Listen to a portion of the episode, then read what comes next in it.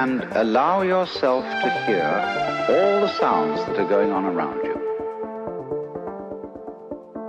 just listen to the general hum and buzz of the world as if you were listening to music.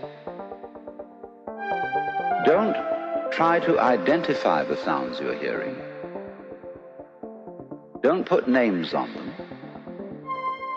Simply allow them to play with your eardrums.